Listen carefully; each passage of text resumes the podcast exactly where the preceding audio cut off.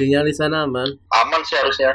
Harusnya ya, oke. Baterai, baterai? Baterai aman lah kalau baterai. Oke. Hubungan gimana nih? Ini sambil ngerokok slow gue ya. Ya nggak apa-apa, kan ini kita kan cuma bentuknya audio doang, nggak bentuknya video, Oke. jadi aman. Ya kena KPI kok, tenang aja. Hmm, oke, mari kita mulai. Hai, my name is Pada Benhat, I'm welcome to this podcast dan ini gua mengajak seseorang udah lama banget dia gak pernah berinteraksi lagi tapi gua pengen masukin lo ke enak story gue udah pernah gua juga udah briefing sebelumnya sama dia bahwa kita akan membahas bakal bisa jadi itu ya musuh masyarakat versi kecil lah ya versi kecil musuh sih seharusnya. apa dong teman masyarakat Hmm. Teman Ya, masyarakat. sebagian musuh, sebagian enggak lah. Iya, ada. Oke deh, karena biar kita, biar kalian nggak kepo, coba dong lo introduce yourself dulu lah ya. Kenal diri lu, nama lu siapa, umur lu berapa, dan kesibukan lu sama kopi ini gimana sih lu, bro? Eh, ya, nama gue eh, Eko, umur gue tuh tahun ini jalan 26 nih. Aduh, bahaya nih di Bandung aja. Oke, oke. Kesibukan gue sih gue gawe ya, gawe sama dagang sih sebenarnya. Hmm. Gawe sama dagang gitu ya kan. Nah, sini sih gue sebenarnya mau ngomongin nih masalah COVID nih. COVID dulu nih sebenarnya. Hmm. Seru tuh. Belum spoiler lebih lanjut lagi. Ini eh, untuk garis besarnya kita membahas tentang ko- konspirasi. Nah, konspirasi kan banyak nih. Ada konspirasi yang bakal mengikuti jejaknya The Simpsons, yang bakal ada misteri ini ini ini ini gitu loh. Dan eh, konspirasi apa sih yang lu tanda petik percayai lah dalam hidup lu?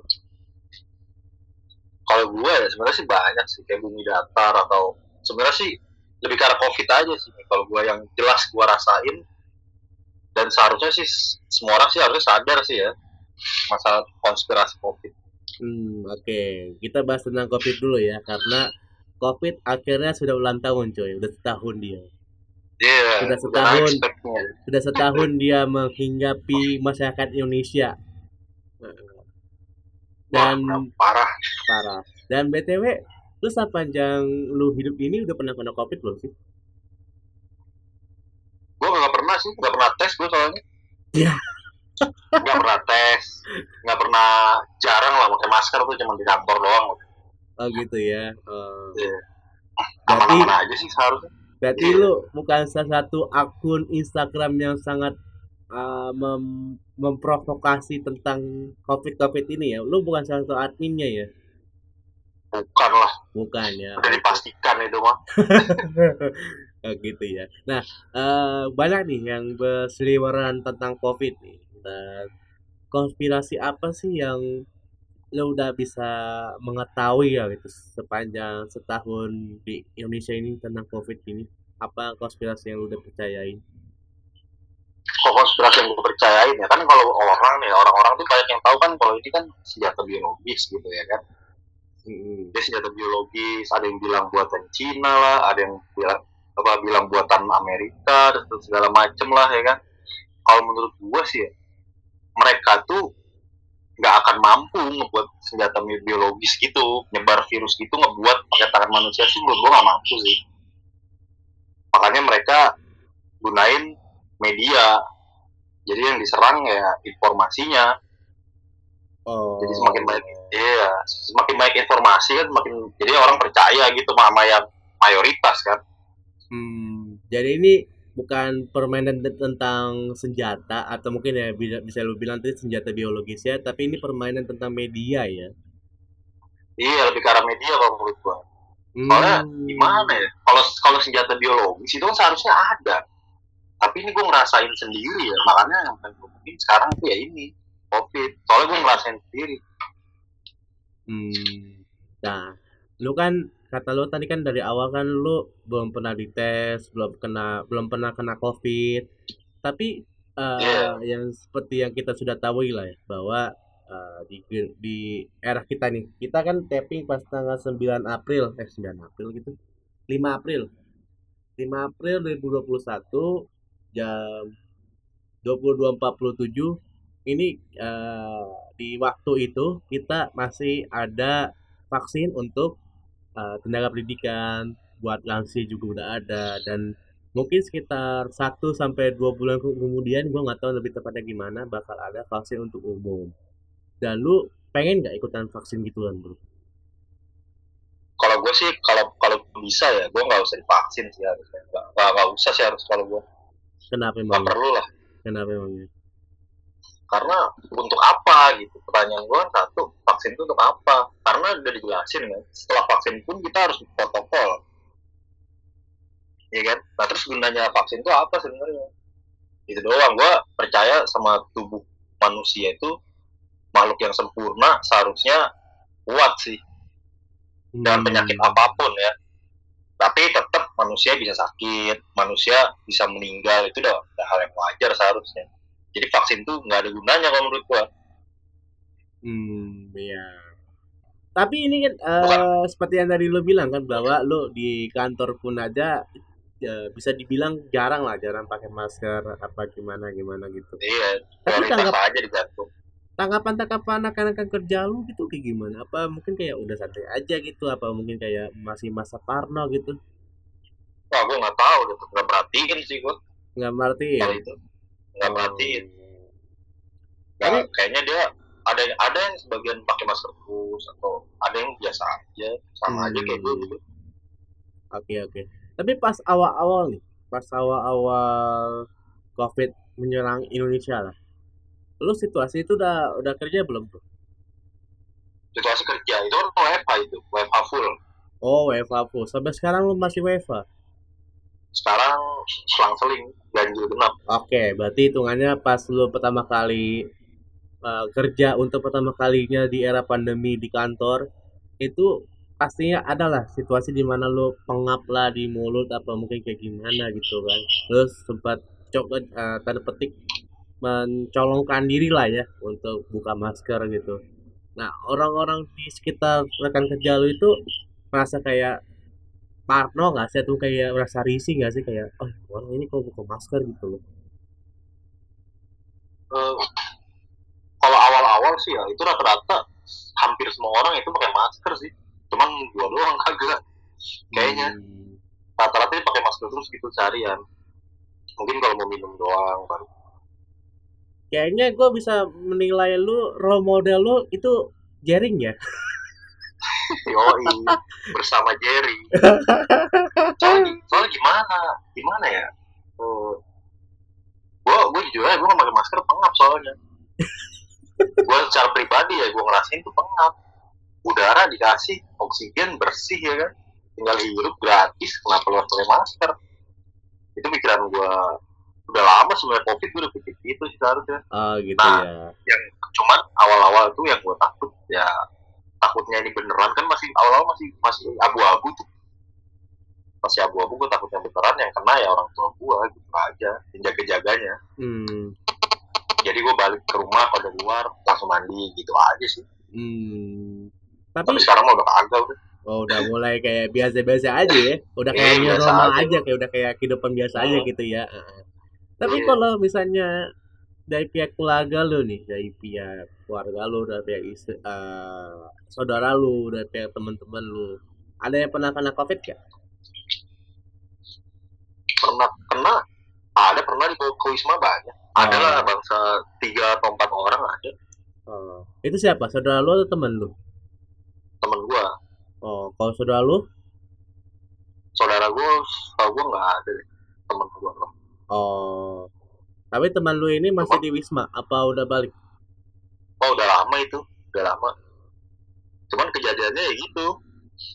Kan gue kan jualan kan ya. Hmm. Jualan taichan tuh. Gue jualan taichan ya.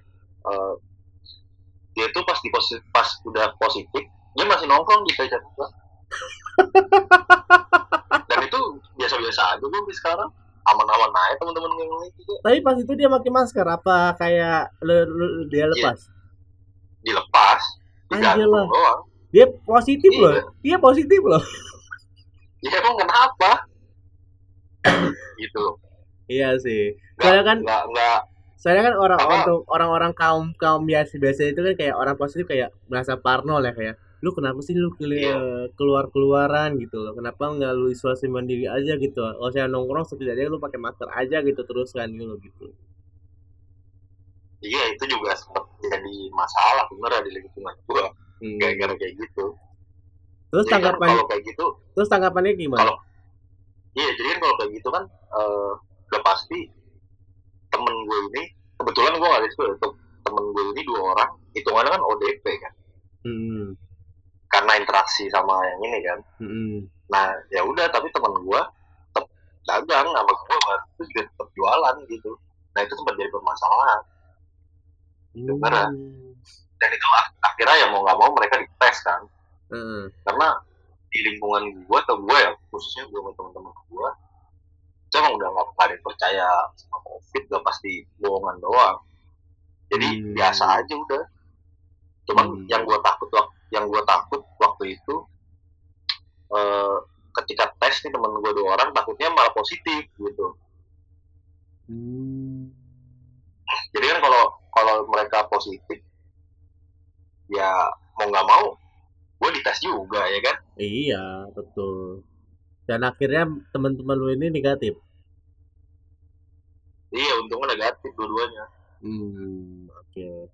Berarti yang Ya, tadi lu, aman udah nah kita kembali lagi dari awal. Jadi lu tadi sempat bilang kan bahwa lu eh, bisa gue bilang kan lu role model lu adalah jaring. Dan seperti, ya, seperti yang kita udah tahu lah, jaring itu emang menciptakan awal-awal di mana orang-orang pada protes mau pakai masker mulu apa gimana gimana? Dia sempat ngebantuin orang eh, bikin konser di eh, tempat apa ya eh, pubnya kali ya atau mungkin tempat eh, dia punya barnya gitu. Dia ngebagi-bagiin nasi gitu-gitu. Dan akhirnya Iya. dia kena penjara karena ya mungkin dia bisa bilang dia menghina suat- salah satu instansi di Indonesia. Dan gua nggak bakal sebutin karena takutnya kena ITE cuy. Polisi-polisi banyak cuy di mana-mana. Takut gua. Iya. Dan eh bisa gue gue pengen nanya loh. Kalau saya menurut lu sebagai orang yang bisa dibilang itu role model lu tepat gak keputusan dia untuk memprotes hal tersebut memprotes eh, keputusan jaring apa keputusan ini sebelahnya? Keputusan enggak kepu- eh, keputusan jaring yang eh, bisa dibilang Iya. memprovokasi suatu instansi tersebut. Oh. Kalau menurut gue sih emang dia salah ya maksudnya bahasanya gitu ya salah Hmm. dalam segi bahasa ya. Cuman kan eh, harus diingat juga sih sebenarnya. Gue juga belum tahu pasti juga ya cuman sejak kapan sih Indonesia itu jadi negara hukum gitu. apa apa hukum itu dia yang masih gue lupa gitu kayak skip kok tiba-tiba Indonesia jadi negara hukum Gitu. padahal kan musyawarah dulu baru hukum hukum itu kan gak prioritas harusnya Hmm. nah itu salahnya di situ kalau menurut gue oh berarti kalau saya itu kan Iya. harusnya Berarti kalau saya menurut lu kesalahan jaring justru di versi bahasanya ya, cara penyampaiannya dia Bahasa. yang bahas, Iya. bahasanya dia yang salah ya, bukan dalam artian kayak dia mengutarakan pendapat dan itu disalahkan enggak ya. enggak mau utang pendapat bebas lah siapa pun boleh harusnya Hmm. cuman bahasanya itu sekarang harus hati-hati nah makanya itu kenapa sejak kapan nih Indonesia di negara hukum Mm-mm. Sampai-sampai pun ya karena banyak kayak begituan, akhirnya hadirlah polisi polisi internet, polisi cyber, cyber internet Iya. gitu lah. Heeh. jadi Ya. kan imbasnya jadi banyak akun-akun bodong kalau ada polisi gitu Iya betul. orang jadi nggak berani jadi bungkam dengan sendirinya Mm-mm. Nah, kalau misalnya mengenai konspirasi tentang COVID lagi, apalagi yang lu percayain tentang COVID yang bisa lu bantahkan dan dari teori sama prakteknya. Jadi teorinya A, ternyata prakteknya B gitu. Eh, secara teori ya awal lo harus ingat awal lah. Di masih di Wuhan kalau di Cina ya kan. Itu orang-orang pada bergelimpangan anjir pada jatuh di jalan gitu pingsan di jalan kejang-kejang sementara sekarang nggak ada. Malah banyakkan OTG orang tanpa gejala itu kan berkebalikan ya seharusnya ya. Yang di mana dibilang bahaya tapi tanpa gejala. Penyakit masa penyakit tanpa gejala ya itu udah tidak masuk akal sih seharusnya kalau orang-orang sadar. Hmm. Jadi maksud lo itu eh, orang-orang yang awal awal awal-awal sama akhirnya tuh jalan Iya. ceritanya tuh beda nyambung gitu hmm, beda sama praktek yang di lapangannya gimana gitu ya. iya Hmm. ya gimana ya di wisma aja keluar nggak pakai tes keluar dari wisma nggak dites langsung keluar aja udah 10 hari atau berapa hari gitu. terus eh, petugasnya di wisma juga kalau nongkrong keluar nongkrong aja nggak dites juga Iya. terus gunanya apa orang ke wisma Oh gitu ya. Jadi itu kan teori sama praktek berkebalikan ya iya sih, iya. sebenarnya banyak sih ya gimana ya ya peraturannya udah ditekan Hmm. Soalnya kan gue juga penasaran, lebih tepatnya penasaran sih tentang konspirasi mengenai COVID ini yang bisa dibilang lucu ya, lucu di mana keputusan A ternyata B, A, D, B gitu-gitu loh. iya Konspirasi di mana-mana dan eh sekarang kalau saya mengenai vaksin, lu tadi bilang menolak karena mungkin karena buat apa gitu loh. Sempet di berita bahwa kalau saya orang divaksin itu eh, dapat keuntungan untuk bisa eh, ke pergi ke luar negeri lah, pergi ke mana-mana gitu loh. Jadi ada aksesnya. Dan sekarang mungkin untuk hmm, untuk yang begituan mungkin bisa dibilang enggak juga ya. Enggak ada akses tersebut Ah. begituan. ah, ah. Dan lu mungkin beneran masih keke gitu loh untuk ya udahlah gak usah dapat vaksin masih itu imun tubuh gue masih aman ini kok Iya. Eh, kalau gimana ya orang 270 juta Indonesia nggak mungkin divaksin semua kan duit dari mana nah semoga aja gue yang nggak kevaksin nih ya kan? tapi kalau misalnya dari kantor lu ada eh, kesempatan untuk divaksin secara gratis itu lu mau nggak? Gue walaupun gratis sih sebenarnya sih gue nggak mau. Cuma kalau dari kantor kalau harus divaksin kalau kagak divaksin dikeluarin gitu di PHK nggak lucu juga ya kan perkara nggak divaksin doang ya jadi sebenarnya sih itu vaksin itu mau orang kayak gue mau orang yang percaya itu mau nggak mau sebenarnya. Udah mau nggak mau jatuhnya. Jatuhnya nggak mau. bukan cuman gue ngomong gini bukan ngerendahin ini ya maksudnya nggak ngehargain petugas yang kesehatan gitu gitu gue ngehargain lah perjuangan mereka lah. Mereka kan juga sama lah manusia juga ya kan? Nggak Hmm. mungkin pasti mereka kalau gue ngomong kayak gini pasti mereka merasa oh kok usaha gue kayak nggak dihargain? Gue bukan nggak ngehargain mereka. Gue tetap ngehargain gue hargain siapa Hmm. Nah, kalau saya mengenai COVID, ada lagi nggak yang lo pengen sampaikan sebelum kita balik ke konspirasi berikutnya? ya baru gitu aja sih gue Oh, baru apa lagi? Ya udah sebenarnya sih harusnya sih orang-orang udah tahu ya iya sih. Apalagi ya yang sekarang, kurang apalagi yang sekarang sekarang ini lagi highlight di salah satu stasiun televisi Indonesia sedang menayangkan live langsung pernikahan seseorang sampai didatengin presiden dong. ya itu mah gue nggak tahu dah nggak pernah nonton TV gue Kenapa emang ya TV lu nggak ada? Apa gimana? kagak mau mangsa nonton TV Oh. Berarti dari bisa gua rangkum itu permainan media lebih banyak ya daripada teori-teori yang sebenarnya ada gitu ya. iya medianya aja zaman sekarang kagak bener Hmm. Medianya terlalu melebih-lebihkan informasi yang seharusnya tidak perlu menjadi diperlukan gitu ya. Hmm. karena udah bingung media mau ngapain lagi udah kalah sama inian YouTube iya kalah sama YouTube Jadi Oke. jadi bingung lah mau ngapain lah. iya nah eh, tadi pas awal eh, lu sempat menceritakan bahwa konspirasi berikutnya yang lu udah percayain bahwa bumi itu datar itu Oh langsung nih berarti. ya langsung lah kan lu kan udah bilang kan tadi ada lagi nggak yang lu pengen sampaikan gitu loh jadi sih. ya makanya tadi kasusnya gitu pak Ah, ah. Hmm. dan awal mula lu mempercayai konspirasi tersebut itu dari mana, kapan, dan apa?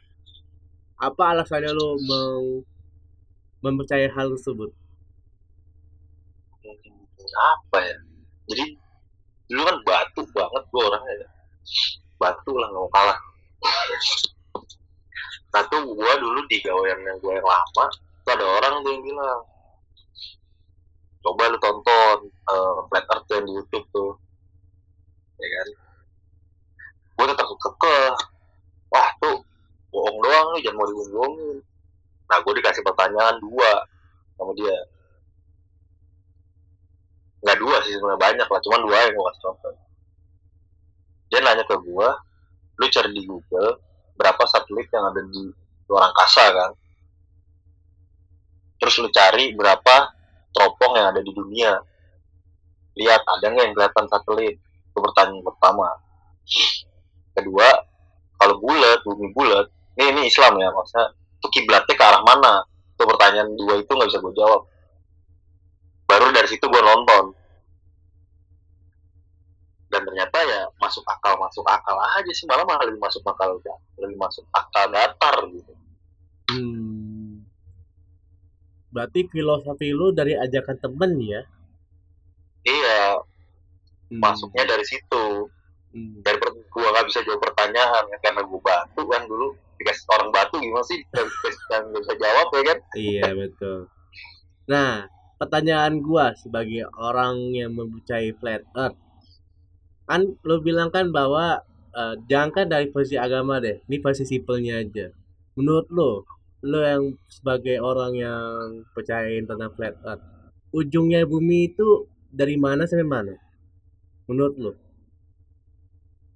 ujungnya kalau kok nggak kan kalau di flat itu kan datarnya itu kan ini bulat ya maksud datarnya bulat tuh kayak piring gitu kan Iya. nah itu kalau yang gua eh, tonton di YouTube itu kan kutub apa sih Antartika tuh kutub kutub selatan ya. Hmm.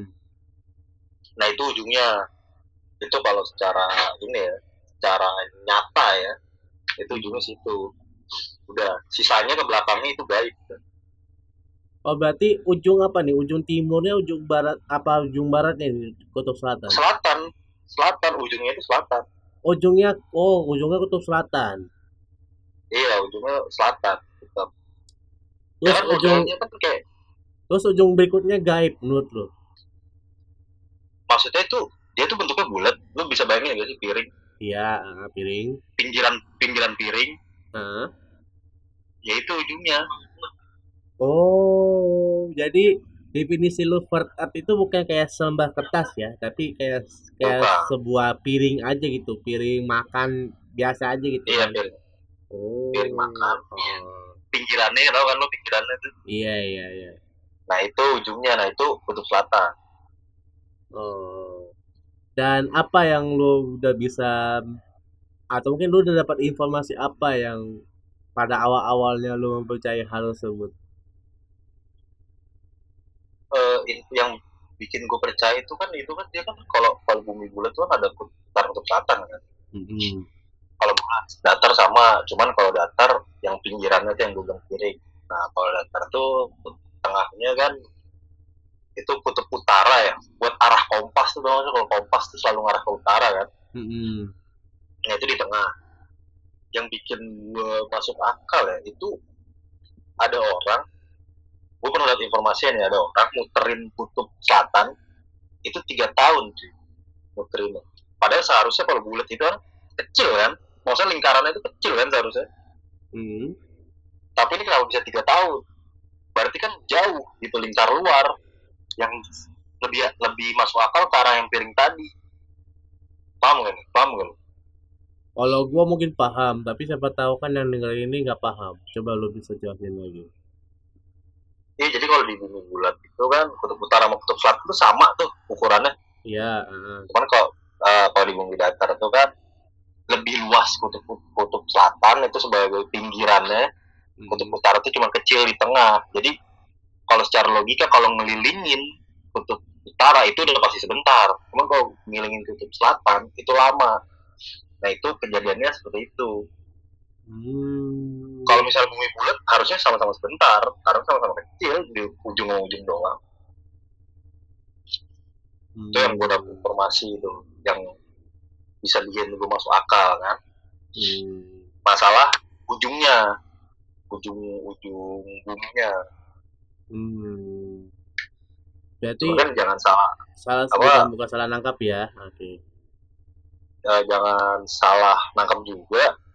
Kan banyak orang yang bilang datar itu gambarnya itu tuh masih yang Merkurius, Venus, terus buminya datar gitu. Itu nggak gitu sebenarnya gambarnya. Iya, makanya tadi kan kalau saya bisa dianalogikan Iya. dengan tenang apa jadi tenang piring aja ya. Oh gitu ya. Iya, mirip, lebih gampang. Mm-mm. Nah matahari matahari kecil sama bulannya di atasnya yang muter-muter dah tuh.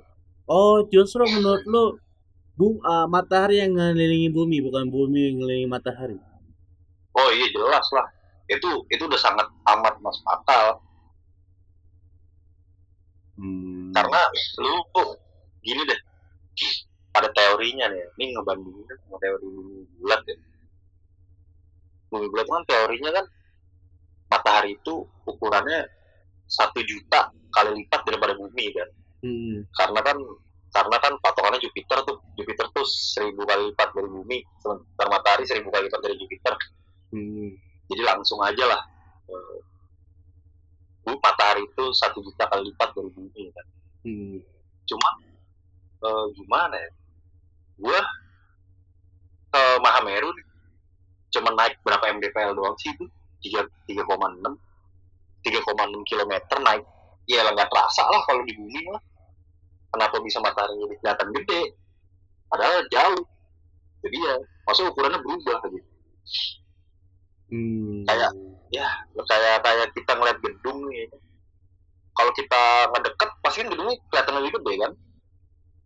Berarti itu nggak jauh dong.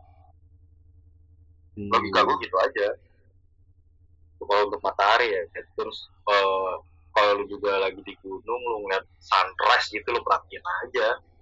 Dia pasti ngedeket dan itu ukurannya pun berubah. Yang darinya setitik lama-lama kelihatan jelas bulan bulan gede kan? Kalau kalau secara logika ya kalau itu jauh jaraknya terus ukurannya gede seharusnya nggak pengaruh. Mau dia posisi di mana pun ukurannya tetap segitu tuh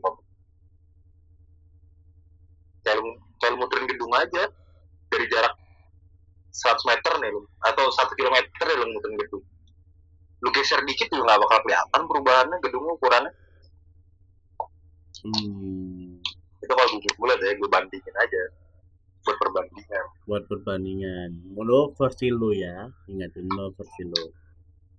Dan apalagi yang lu percayai mengenai konspirasi bumi bulat Eh, apa ya? Dia rada aneh juga sih. Gerhana sih kalau oh Jadi kan kalau dulu- kalau dulu kecil masih SD gitu kan belajar gerhana itu kan kalau gerhana matahari nih itu kan posisinya matahari bulan habis itu bumi kan bulannya di tengah kan. Hmm. itu gerhana matahari. Cuman kalau gerhana bulan buminya di tengah matahari bumi bulan. Seharus gue juga salah, seharusnya itu bukan gerhana bulan anjir itu siang dan malam lah. Orang bumi di tengah. Hmm. bener dong. Berarti definisi lu begitu ya? Hmm. sayangnya dulu kita masih bocil kagak bisa mikir. Iya kan? Iya harusnya itu jelas itu siang dan malam. Itu salah itu mata pelajaran kelas berapa? Wah udah lupa lah. Pokoknya SD lah. Hmm. Oh gitu ya. Nih, ini kebetulan gua di sini belum bisa bicara banyak karena gua masih masih belum tahu lah ya mengenai gua di sini untuk membagi ilmu aja sih. Bukan membagi ilmu sebenarnya kayak gua mendapatkan feedback mengenai orang-orang yang percaya tentang beginian dan ini merupakan konten yang sangat istimewa. Mungkin bisa jadi sedikit mengenai konspirasi-konspirasi yang mungkin dianggap orang awam kayak kok lu percaya tentang hal beginian? Kok lu percaya tentang hal beginian?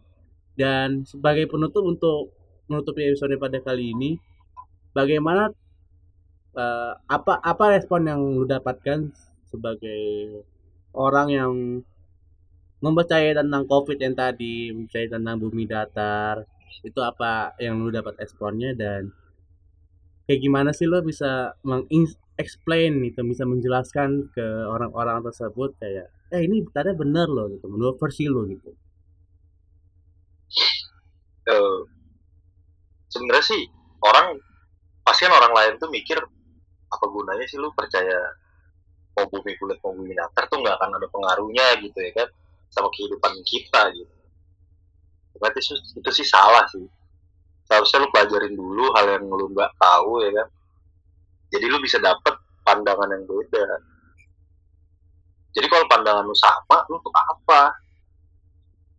Gitu kan orang otak manusia beda-beda tuh.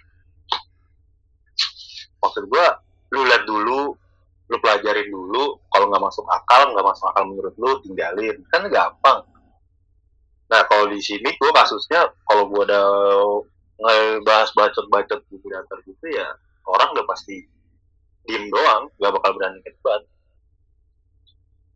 entah kenapa atau menurut dia nggak penting atau gimana kalau menurut gue sih itu penting buat ngasah pola pikir kita ya sudut pandang. Jadinya kita nggak manja di suntikin informasi-informasi dari media sosial, media TV, segalanya tuh otak tuh nggak manja. Jadi kita bisa mikir sendiri.